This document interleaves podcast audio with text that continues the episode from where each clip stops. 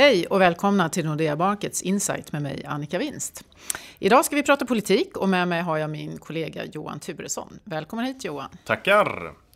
Ja, jag vet inte vad du säger, men det är väl sällan som vi har pratat så mycket politik som vi gjort den här den senaste tiden. Nej, det stämmer.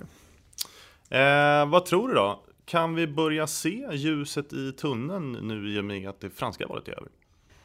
Om ljuset i tunneln betyder att vi inte ska prata politik eller att vi ska börja prata om sånt som faktiskt berör oss. Så ja, skulle jag vilja svara både ja och nej på den frågan. Att, eh, eh jag tror att ur ett marknadsperspektiv så kommer inte politik vara riktigt lika mycket i fokus. Om man ska komma ihåg, om man tänker historiskt så är det ju sällan så att politiska event får något större genomslag på på marknaden, utan det är ju när det blir eh, helt överraskande så som Brexit och Trump och så vidare. Då syns det. Eh, så ur den aspekten skulle jag säga, ur ett marknadsperspektiv, så kommer vi nog prata mindre politik. Däremot så är det ju så att vi har ett svenskt val och vi har många andra viktiga val framför oss, så att helt eh, kan vi nog inte lägga det åt sidan. Nej, och Brexit lär vi inte kunna lägga åt sidan heller, för att nu har ju Theresa May utlyst nyval i Storbritannien. Mm. Eh, och det är väl, får man tolka som, att stärka eh, sitt sin majoritet egentligen i parlamentet inför förhandlingarna med EU. Ja, tittar man på hur marknaden eh, prisar risken för det här så är man ju ganska ointresserad. Utan det man eh, vill se nu det är ju hur stark majoritet får hon. Och eh, det blir också intressant att se att eh, om hon får ett väldigt starkt mandat så kanske hon inte behöver vara eh, särskilt aggressiv mot EU och EU kanske inte heller då behöver vara lika aggressiv som man har varit tillbaks i dialogen. Men, men just Brexit skulle jag säga att eh, det är inte i marknadsfokus nu. Det kan förstås poppa upp. Men det ska ju vara ganska stor överraskning i, i valet i Storbritannien om man ska få effekter tror jag på marknaden redan nu. Mm. Ja, den långa processen lär väl fortsätta. Eh, sen har vi ett annat val som Ja, det är väl lite oklart när det ska vara egentligen. Om man kollar på italienarna så de ska ju senast hålla val eh, någon gång i början av eh, 2018. Men vi har ju både Femstjärnerörelsen och eh, Demokraterna vill ju ha ett nyval innan dess. Ja, är det inte under första halvåret? Fram till, oh, maj, ja, fram till maj tror jag precis som de ska ha valet. Ja, och eh, det italienska valet skulle jag säga är, hade varit intressant eh, och viktigt för marknaden om Eh, vi inte hade fått den valutgång vi fick i Frankrike. Om det hade blivit Marie Le Pen eller Mélenchon så är det klart att då hade ju de båda kandidaterna förmodligen drivit att man skulle lämna EU. Och, vi har ju massa höger och vänster populistiska partier i Italien som, som mycket väl skulle kunna haka på det där då. Nu när det blev som det blev i Frankrike så gissar jag att åtminstone marknaden är lite mindre fokuserad på det italienska valet. Det är inte riktigt lika viktigt som det kunde ha, ha varit. Så ur, ur den aspekten så ligger det nog också lite längre bort ur ett marknadsperspektiv. Något som marknaden inte har brytt sig om särskilt mycket hittills är det tyska valet som kommer i höst. Eh, jag tror i och för sig att det är inte är så konstigt heller i och med att det står mellan Schulz, den socialdemokratiska eh, ledaren, som har gått väldigt starkt förvisso på slutet, och eh, Merkel. Men de två har ju redan en koalition, de två partierna, så att egentligen spelar det nog inte så stor roll vem av dem som är den styrande. Nej, och eh, det är inte sådär jättestor skillnad ur ett marknadsperspektiv heller vilken politik de för. För att båda är EU-vänliga och det skulle jag nästan vilja säga är det absolut viktigaste här. För att det är ju det som är alternativet då till om man hade fått länder som ville släppa. Och eh, man skulle ju faktiskt kanske för första gången kunna vara lite optimistisk om EUs eh, framtid med tanke på det. Hur tänker du då? Ja, jag tänker att eh, vi har haft en period då man ifrågasatt EU och varje gång EU har blivit ifrågasatt så har man svarat med mer EU. Och det är inte det folk vill ha. Och eh, Juncker skickade ju ut i våras fem olika scenarier. Så att om det nu är så att länderna inte är nöjda då skickar han tillbaks eh, frågeställningen. Okej, okay, hur vill ni då ha det? Och så målar han upp fem scenarier som man kan välja på. Där det ena längst ut i kanten då är så lite samarbete som möjligt. Och då får man väl hoppas att fredsprojektet åtminstone är kvar, det som, som EU började med.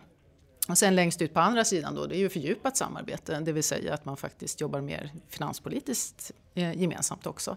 Jag tror inte vi får något av de alternativen, men kanske något spår emellan där man har eh, några länder som jobbar mer fördjupat och några som jobbar mindre eh, fördjupat. Och jag, där gissar jag att Sverige hamnar i den andra eh, fåran, det vill säga lite mindre fördjupat.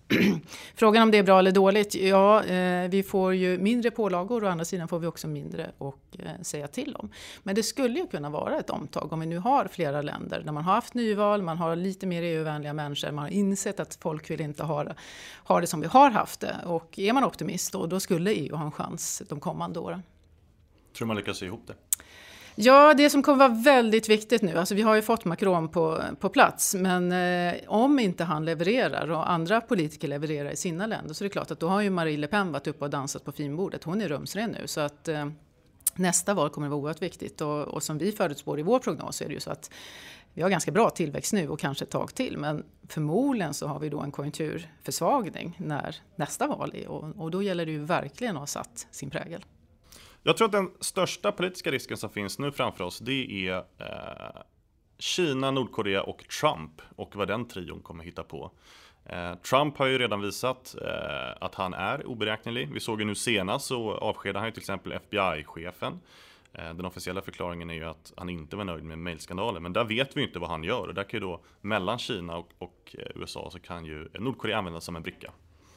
Ja, eh, Trump har ju överraskat på väldigt många håll och kanter. Och det som vi såg den senaste tiden här med FBI, frågan är hur mycket allvar man ska ta eh, på det där. Men, men oavsett så är det ju ganska obehagligt när man har en, en signal från USA att man ifrågasätter rättsväsendet. Och i, vi har ju ändå på något sätt varit trygga i att även om Trump blev vald så är det tre ben man lutar sig på i USA. Man har senaten, kongressen och en president. Och är det någon som bär sig tokigt åt så ska de andra två bromsa det. Men det är klart att om man börjar hålla på eh, Eh, försöka påverka rättssystemet då låter det ju lite som Putin har gjort. Och, och där har det ju gått ganska långt innan omvärlden har reagerat. Eh, och ur den aspekten tycker jag det är viktigt att, att lyssna på dem.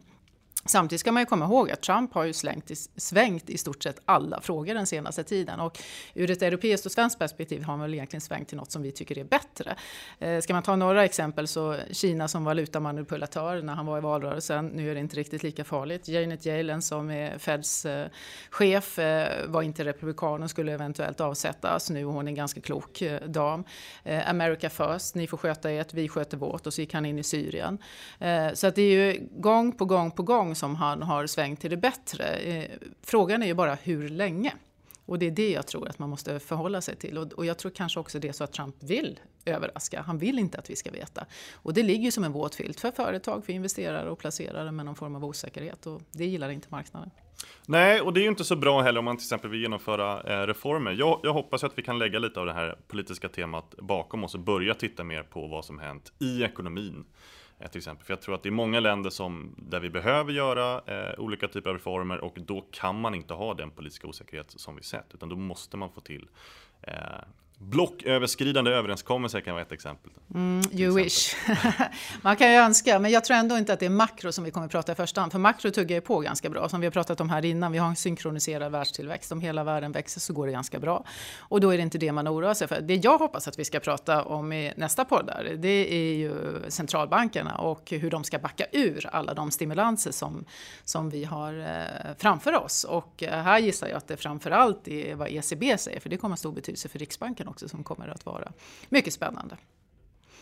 Det lär vi dock inte prat hinna prata om idag, utan eh, vi slutar där och vi återkommer till det. Med det skulle jag vilja säga stort tack för att ni har lyssnat och vill ni ha fler analyser av våra strategier, eh, strateger och ekonomer så hittar du dem på nexus.nordea.com. Tack och på återhörande.